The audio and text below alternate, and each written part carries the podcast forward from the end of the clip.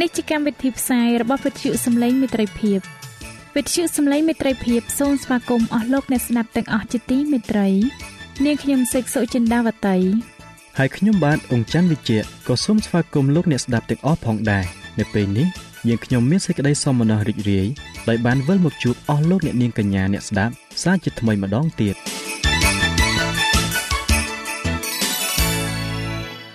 នាងខ្ញុំសេកសុចិន្តាវតី សូមជម្រាបជូនកម្មវិធីផ្សាយដែលមានជាបន្តបន្ទាប់ដូចតទៅនេតិបទទំនាយនិងប្រវត្តិសាស្ត្រនេតិស្ថាបនាកម្ពុជាឲ្យប្រសើរចា៎លោកអ្នកស្ដាប់ជាទីមេត្រី នាងខ្ញុំសូមគោរពអញ្ជើញអស់លោកលោកស្រី អ្នកនាងកញ្ញាតាមដានស្ដាប់កម្មវិធីផ្សាយរបស់វិទ្យុយើងខ្ញុំដូចតទៅ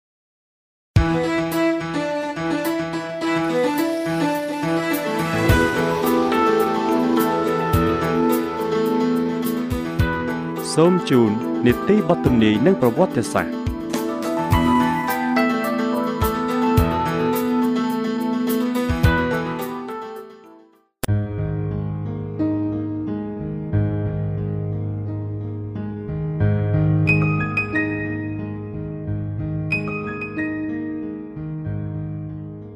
អស់លោកលោកស្រីនិងប្រិយមិត្តអ្នកស្ដាប់ជាទីមេត្រីខ្ញុំបាទសូមជម្រាបសួរសូមឲ្យអស់លោកអ្នកបានប្រកបដោយព្រះពរនិងព្រះគុណ ពីព្រះវរបិតានិងពីព្រះយេស៊ូវគ្រីស្ទជាព្រះអម្ចាស់នៃយើងរាល់គ្នាតាមរយៈមេរៀននៅថ្ងៃនេះបាទនៅពេលនេះខ្ញុំបាទសូមលើកយកចម្ពោះទី14ដែលមានចំណងជើងថា អ្នកកែតម្រង់ក្រោយក្រោយមកទៀតនៅប្រទេសអង់គ្លេសអស់លោកអ្នកស្ដាប់ជាទីមេត្រីនៅក្នុងចម្ពោះនេះលោកអ្នកនឹងបានស្ដាប់អំពីលោក Tyndale ក្នុងគណៈដែលលោក Martin Luther បើកព្រះគម្ពីរដែលគេហាមមិនឲ្យប្រើដើម្បីបង្ហាញដល់បណ្ដាជនអាល្លឺម៉ង់ ព្រះវិញ្ញាណបរិសុទ្ធក៏បណ្ដាលឲ្យលោក Tyndale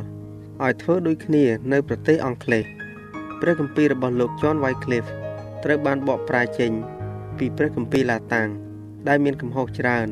តម្លៃនៃការចម្លងព្រះគម្ពីរថ្លៃសម្បើមណាស់បានជាពុំសូវមានការបោះពុំច្រើន នៅឆ្នាំ1516គេបានបោះពុំព្រះគម្ពីរសញ្ញាថ្មី ជាភាសាក្រិកជាន់ដើម ជាលើកដំបូងកំហុសជាច្រើន ដែលមាននៅក្នុងការបោះពុំមុនមុននោះត្រូវបានកែតម្រូវឡើងវិញ ផ្ដល់នៅអត្ថន័យច្បាស់ជាងមុន ការនេះបានផ្ដល់ឲ្យអ្នករៀនសូត្របានយល់សេចក្តីពិតកាន់តែប្រសើរឡើងហើយផ្ដល់សន្ទុះថ្មីមួយដល់កិច្ចការកែតម្រង់ប៉ុន្តែប្រជារាស្ត្រសាមញ្ញជាច្រើន បានស្ថិតនៅក្រោមការខាត់ខាំងមិនឲ្យអានព្រះបន្ទូលរបស់ព្រះ លោក Tyndale ត្រូវសម្រេចកិច្ចការរបស់លោក John Wycliffe ដោយផ្ដល់ព្រះគម្ពីរទៅដល់បណ្ដាជន គាត់បានផ្សាយសេចក្តីជំនឿរបស់គាត់ដោយឥតញញើតឡើយចំណែកឯអ្នកកាន់តាមសម្ដេចសង្ឃដែលអះអាងថាវិហារបានផ្ដល់ព្រះគម្ពីរហើយថាមានតែវិហារមួយទេ ដែលអាចបញ្យល់ខគម្ពីរនោះបានលោក Tyndale ឆ្លើយតបដូចនេះថា ជាជាងផ្ដល់ព្រះគម្ពីរមកយើង គឺអស់លោកទេ ដែលលាក់ពីយើងអស់លោកហើយដែលដុតសម្លាប់ពួកអ្នកបង្រៀនព្រះគម្ពីរនោះ ហើយបើអាចអស់លោកនឹងដុតព្រះគម្ពីរទៀតផង សេចក្តីបង្រៀនរបស់លោក Tyndale បានធ្វើឲ្យគាត់ចាត់ចិត្តយ៉ាងខ្លាំងប៉ុន្តែពួកកាតូលិករ៉ូមបានព្យាយាមបំផ្លិចបំផ្លាញកិច្ចការរបស់គាត់គាត់ឧទានឡើងថាតើនឹងត្រូវធ្វើដូចម្តេចទៅខ្ញុំមិនអាចនៅគ្រប់ទីកន្លែងបានទេអោបើពួកគ្រីស្ទៀនមានព្រះគម្ពីរបរិសុទ្ធជាភាសារបស់ខ្លួនទៅអេះនោះគេនឹងអាចទប់ទល់នឹងពួកគ្រូទាំងនេះបាន បើគ្មានព្រះគម្ពីរទេ ក្រុមជំនុំរកសេចក្តីពិតមិនឃើញឡើយឥឡូវនេះ គាត់មានគោលបំណងថ្មីមួយហេតុអ្វីបានជាពុំមានដំណឹងល្អជាភាសាអង់គ្លេសនៅក្នុងចំណោមពួកយើងដូច្នេះតើគួរឲ្យព្រះវិហារមានពន្លឺខ្សោយនាពេលថ្ងៃត្រង់ជាជាងពេលព្រឹកព្រះហៀមឬពួកគ្រីស្ទៀនត្រូវអានព្រះគម្ពីរសញ្ញាថ្មីជាភាសារបស់ខ្លួន មានតែតាមរយៈព្រះគម្ពីរតែមួយប៉ុណ្ណោះទេទើបមនុស្សគ្រប់រូបអាចរកសេចក្តីពិតឃើញអ្នកមានចំណេះវិជ្ជាកាតូលិកម្នាក់ឧទានឡើងទាស់នឹងគាត់ថា ការដែលយើងគោរពច្បាប់របស់ពួកសម្ដេចសង្ឃនោះគឺប្រសើរជាងច្បាប់របស់ព្រះ លោកធីនដែលតបវិញថាខ្ញុំសុខចិត្តបំពេញសម្ដេចសង្ឃ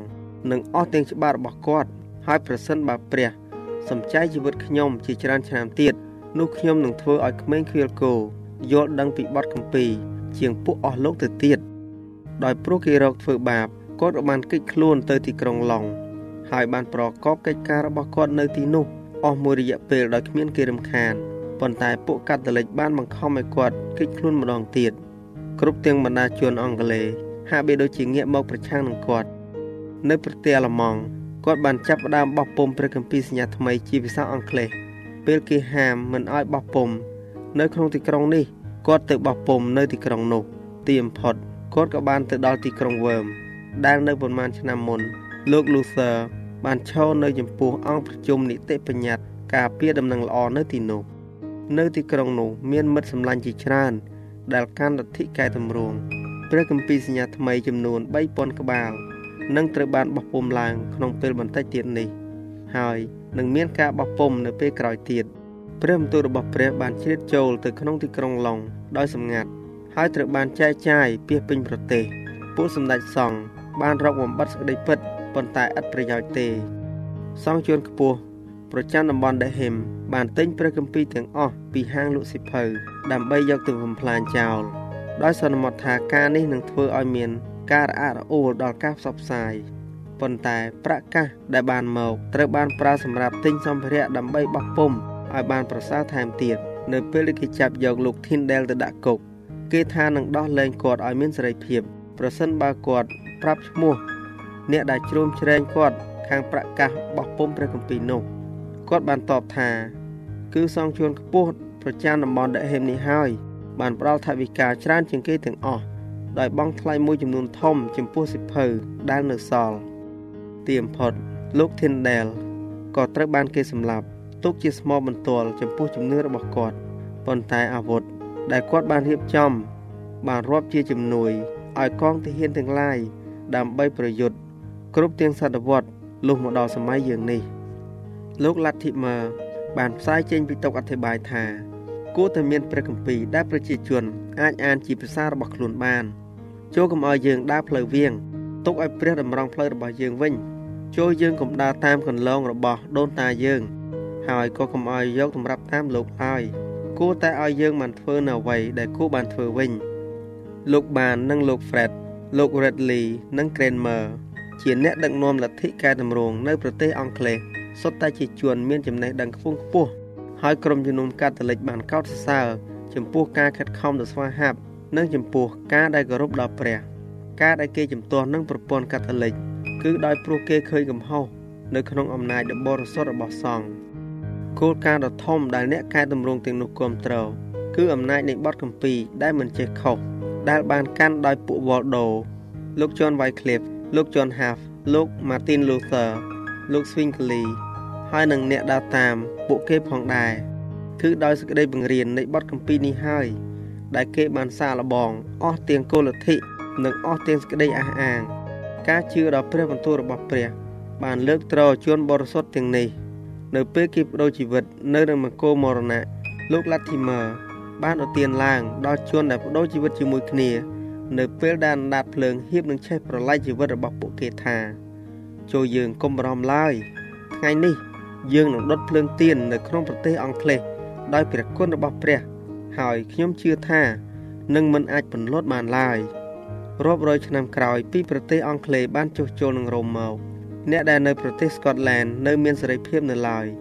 លុះដល់សតវត្សទី12លទ្ធិកាតូលិករ៉ូមបានកកើតឡើង ហើយគ្មានប្រទេសណាស្ថិតនៅក្នុងភាពងងឹតសូន្យឈឹងដោយប្រទេសនេះឡើយប៉ុន្តែនៅមានកាមេរ៉ាស្មីជះចូលនៅក្នុងភពងងឹតដែរពួកលឡាតដែលមកពីប្រទេសអង់គ្លេសប្រដាប់ដោយព្រះគម្ពីរនិងសេចក្តីបង្រៀនរបស់លោក John Wycliffe បានសម្រេចកិច្ចការជាច្រើន ដើម្បីរក្សាតម្រេះវិជានៃដំណឹងល្អសំណេររបស់លោក Luther និងព្រះគម្ពីរសញ្ញាថ្មីរបស់លោក Tyndale បានមកដល់ចំពេលចាប់ផ្ដើមកំណែតម្រង់អ្នកផ្សាយដំណឹងល្អទាំងនេះបានឆ្លងកាត់ព្រៃភ្នំ យកពន្លឺនៃសេចក្តីពិត ដែលស្ទើរតែរលត់ទៅហើយនោះ ទៅបង្កើតឲ្យឆេះមានជីវិតថ្មី ដើម្បីស្រោចស្រង់មនុស្សចេញពីភាពងងឹតដែលគេបានពិសោធន៍អស់4សតវត្សក្រោមការជិះជាន់បន្ទាប់ពីអ្នកដឹកនាំវិហារកាតូលិកភ្ញាក់ខ្លួន ដឹងអំពីគ្រោះថ្នាក់គេក៏នាំកុលបុត្រកុលធីតានៃប្រទេសស្កុតឡែនដែ លមានកិត្តិយសខ្ពង់ខ្ពស់ទៅកាន់មង្គលពិឃាតស្មោបន្ទាល់ទាំងនេះ ដែលបានស្លាប់ពីពេញទឹកដីនោះបណ្ដាលឲ្យបណ្ដាជនទាំងឡាយនឹកកោតចំពោះគោលបំណងដ៏មិនចេះស្លាប់ពពលគឺការទម្លាក់នឹមរបស់រ៉ូម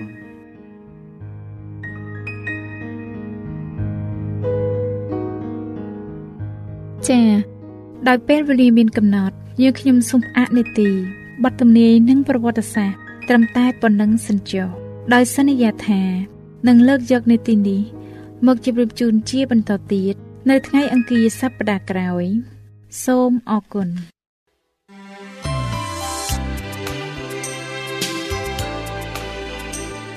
វិទ្យុសំឡេងមេត្រីភាព AWR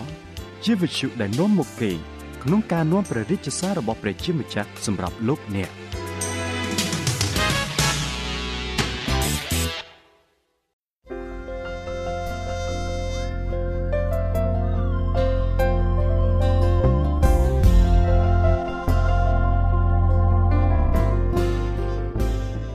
ចាសសូមជម្រាបសួរអស់លោកលោកស្រីប្រិយមិត្តអ្នកស្ដាប់វិទ្យុសំឡេងមេត្រីភាពជាទីមេត្រីនាងខ្ញុំសីសុចិនាវតីមានសេចក្តីសំណើរីករាយណាស់ដែលបានវិលមកជួបលោកអ្នកសាជាថ្មីម្ដងទៀតតាមពេលដែលបានសន្យានៅក្នុងកម្មវិធីស្ថាបនាកម្ពុជាឲ្យប្រសើរនៅថ្ងៃនេះនាងខ្ញុំសូមលើកយកភាគទី2នៃមេរៀនទី7មេរៀននេះមានចំណងជើងថាអភូតហេតុនៅទន្លេខ្វាយ ដូច្នេះសូមលោកអ្នកតាមដានស្ដាប់ពីមេរៀននេះដូចតទៅព្រះយេស៊ូវបានមានបន្ទូលទៅក្នុងព្រះគម្ពីរយូហានជំពូក15ខ13ថាគ្មានអ្នកណាមានសេចក្តីស្រឡាញ់ធំជាងនេះគឺនឹងបដូរជីវិតជំនួសពួកសម្លាញ់របស់ខ្លួននោះទេសូមលោកអ្នកនាងកញ្ញាស្ដាប់រឿងមួយទៀតដែលនិយាយអំពីពលិកម្មដ៏ថ្លៃថ្លាបំផុតរឿងខាងក្រោមនេះត្រូវបានគេនិយាយពីពេញទាំងជំរំវេលាល្ងាចថ្ងៃមួយ បន្ទាប់ពីអ្នកទោសធ្វើការយ៉ាងហត់នឿយនៅផ្លូវរថភ្លើងពេញមួយថ្ងៃមកអ្នកយាមជប៉ុនបានរាប់ប្រដាប់ប្រដាដែលគេបានប្រើ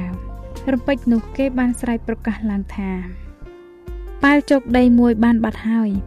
ច្បាស់ជាមាននរណាម្នាក់ដូចយកទៅលក់ឲ្យពួកថៃហើយមើលទៅ អ្នកយាមនោះដើរចុះដើរឡើងនៅខាងមុខអ្នកទោសហើយទាមទារឲ្យអ្នកណាដែលមានទោសនោះត្រូវចេញមកដើម្បីទទួលទណ្ឌកម្មរបស់ខ្លួន។ គ្មាននរណាម្នាក់ហ៊ានកម្រើកឡើយនោះធ្វើឲ្យអ្នកយាមរត់ទៅខឹងខ្លាំងឡើងទៀតគេលើកកំភ្លើងហើយស្រែកឡើងថាសម្លាប់ចោលទាំងអស់សម្លាប់ចោលទាំងអស់ពេលនោះមានឆ្លើយម្នាក់បានដើរចេញទៅមុខហើយនិយាយដោយសំឡេងធ្នមធ្នមថា គឺខ្ញុំបានយកប៉ាល់នោះអ្នកឆ្មាំនោះក៏បានបញ្ចេញអស់ទាំងកំហឹងរបស់ខ្លួន គេទាត់ធាក់ដាល់ឆ្លើយនោះឈាមហូរដាបលើមុខបរោះនោះ ប៉ុន្តែគាត់មិនបានស្រេចអ្វីឡើយភាពស្ងប់ស្ងាត់របស់គាត់ធ្វើឲ្យឆ្មាំនោះរត់ទៅខឹងខ្លាំងឡើងគេបានលើកកំភ្លើងឡើងរួចសំពងអស់ទំហឹងចំប្រទូលក្បាល និងស្វាយកំភ្លើងធ្វើឲ្យអ្នកទោសដួលស្រុកទៅនឹងដីលែងកម្រើកទៀតបានបន្ទាប់មកមិត្តភ័ក្តិរបស់គាត់បាននាំគ្នាលើកសពគាត់យកមកជំរុំវិញពេលដែលគេរាប់ប្រដាប់ប្រដាម្ដងទៀតនៅឯផ្ទះ ពួកឆ្មាំគេមិនឃើញមានប៉ែលណាមួយបាត់សោះពេលដែលរឿងនេះបានលើសរសើរនោះជាការកោតសរសើរចំពោះឆ្លើយសឹកនោះ បានចម្រើនហួសជាងសេចក្តីស្អប់ចំពោះពួកឆ្មាំព្រះយេស៊ូវបានមានបន្ទូលនៅក្នុងព្រះគម្ពីរយូហានចំពុក15ខ13ថាគ្មានអ្នកណាមានសេចក្តីស្រឡាញ់ធំជាងនេះគឺដែលអ្នកណានឹងបដូរជីវិតជំនួសពួកសម្លាញ់របស់ខ្លួននោះទេតើលោកអ្នកដឹងទេ នៅពេលដែលមានទុកព្រួយកង្វល់ខ្វល់ខ្វាយសម្រាប់ជីវិតកើតឡើងអ្នកខ្លះបានគិតថាជីវិតគ្មានន័យអ្វីទាំងអស់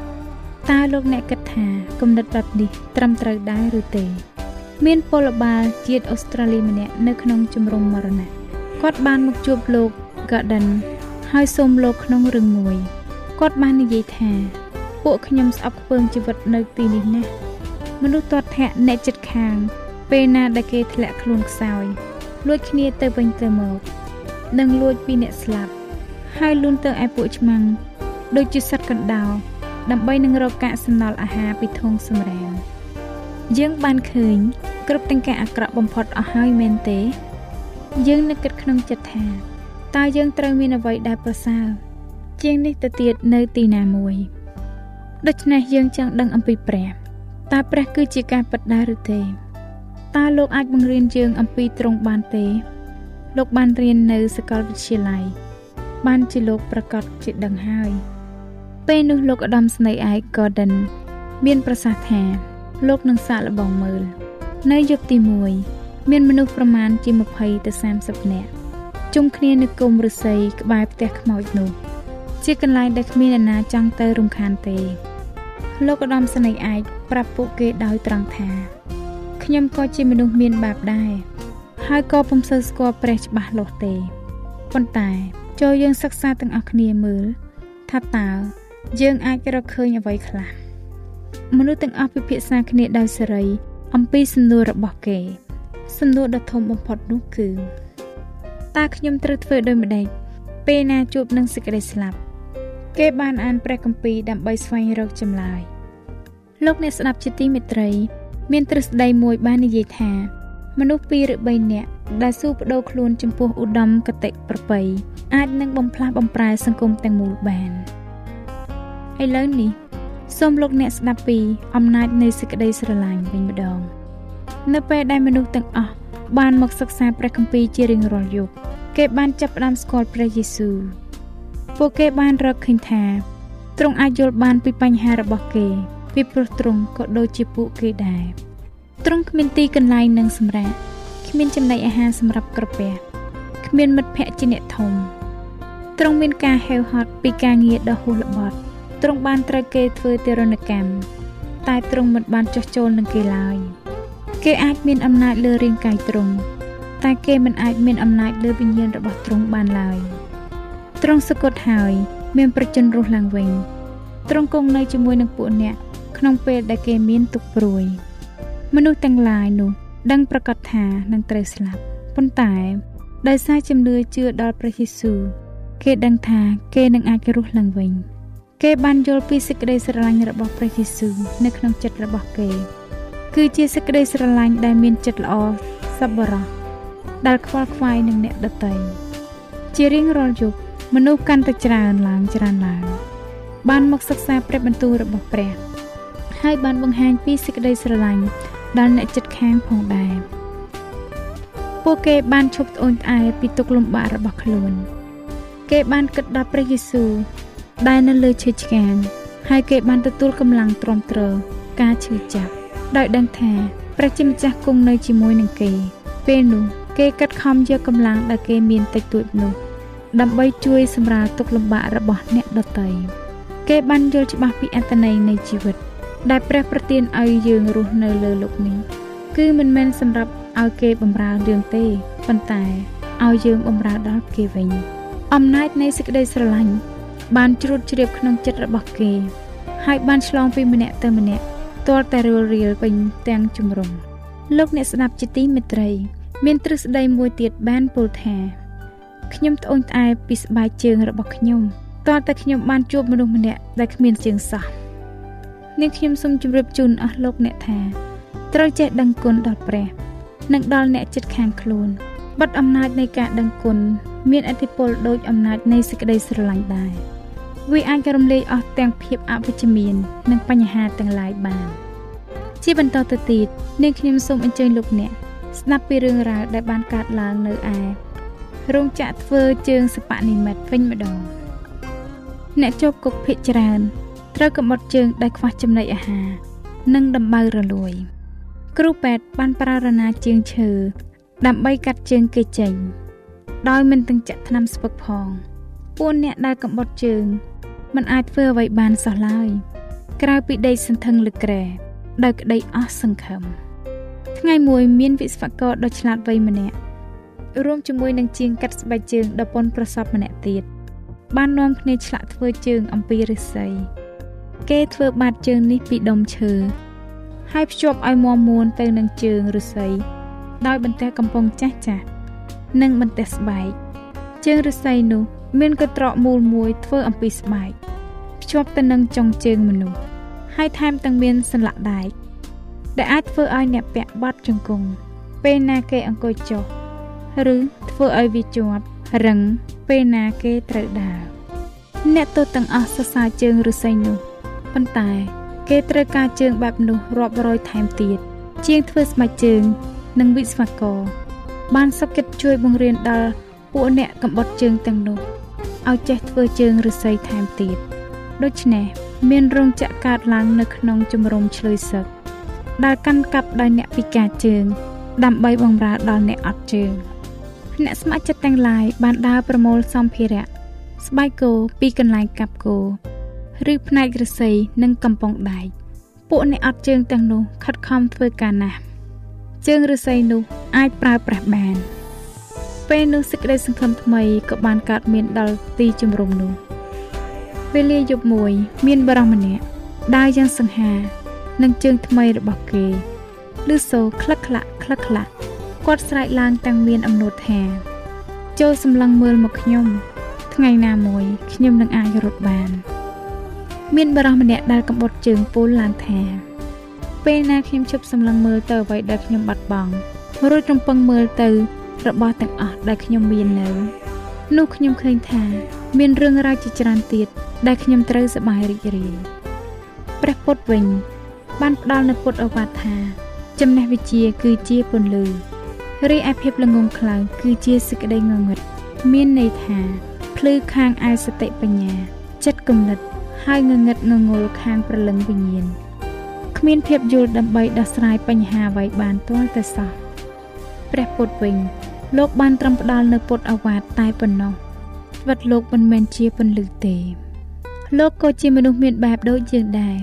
លោកបានចូលបរិនិព្វានបាត់ទៅហើយ គឺស្លាប់បាត់ហើយរីឯព្រះយេស៊ូវវិញទ្រង់បានមានប្រាប់បន្ទូលនៅក្នុងព្រះគម្ពីរយូហានចំពុក8ខ12ថា ខ្ញុំជាពន្លឺលោកីអ្នកណាដែលតាមខ្ញុំនោះមិនដែលដើរក្នុងសេចក្តីងងឹតឡើយគឺនឹងមានពន្លឺនៃជីវិតវិញត្រង់នេះទ្រង់បានបញ្ជាក់យ៉ាងច្បាស់ថាទ្រង់ជាពន្លឺអ្នកណាដែលតាមទ្រង់នោះមិនដែលដើរក្នុងសេចក្តីងងឹតឡើយគឺនឹងមានពន្លឺនៃជីវិតវិញដូច្នេះ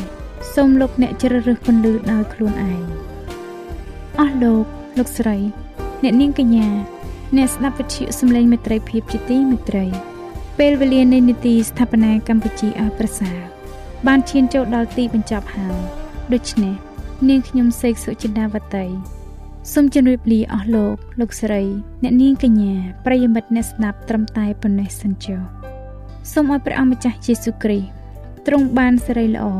និងសូមឲ្យលោកអ្នកបានប្រកបដោយព្រះគុណដរាបដល់អស់កលជានិច្ចអាមែន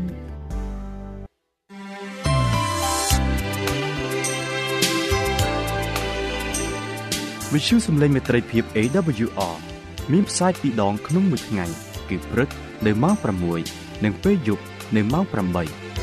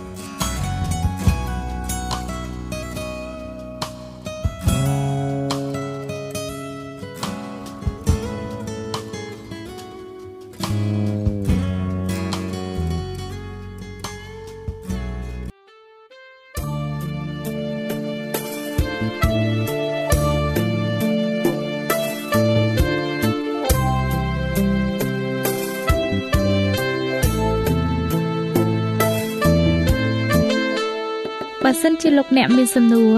ឬសំណុំពរអ្វីសូមតាក់ទងមកការិយាល័យវិទ្យុយើងខ្ញុំ តាមអាស័យដ្ឋានផ្ទះលេខ15ផ្លូវលេខ568សង្កាត់បឹងកក់2ខណ្ឌទួលគោករាជធានីភ្នំពេញលោកអ្នកក៏អាចសរសេរសម្បត្តិផ្ញើមកយើងខ្ញុំ តាមរយៈប្រអប់សម្បត្តិលេខ488ភ្នំពេញឬតាមទូរស័ព្ទលេខ012 34 96 64ឬ097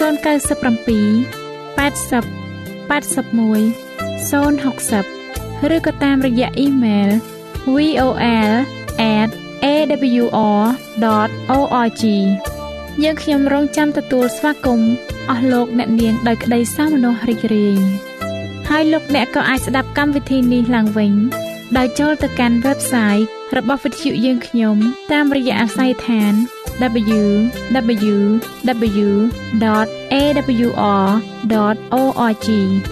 លោកអ្នកនាងកញ្ញាជាទីមេត្រី កម្មវិធីផ្សាយរបស់វិទ្យុសំឡេងមេត្រីភាពនៅពេលនេះសូមបញ្ចប់តែប៉ុណ្ណេះ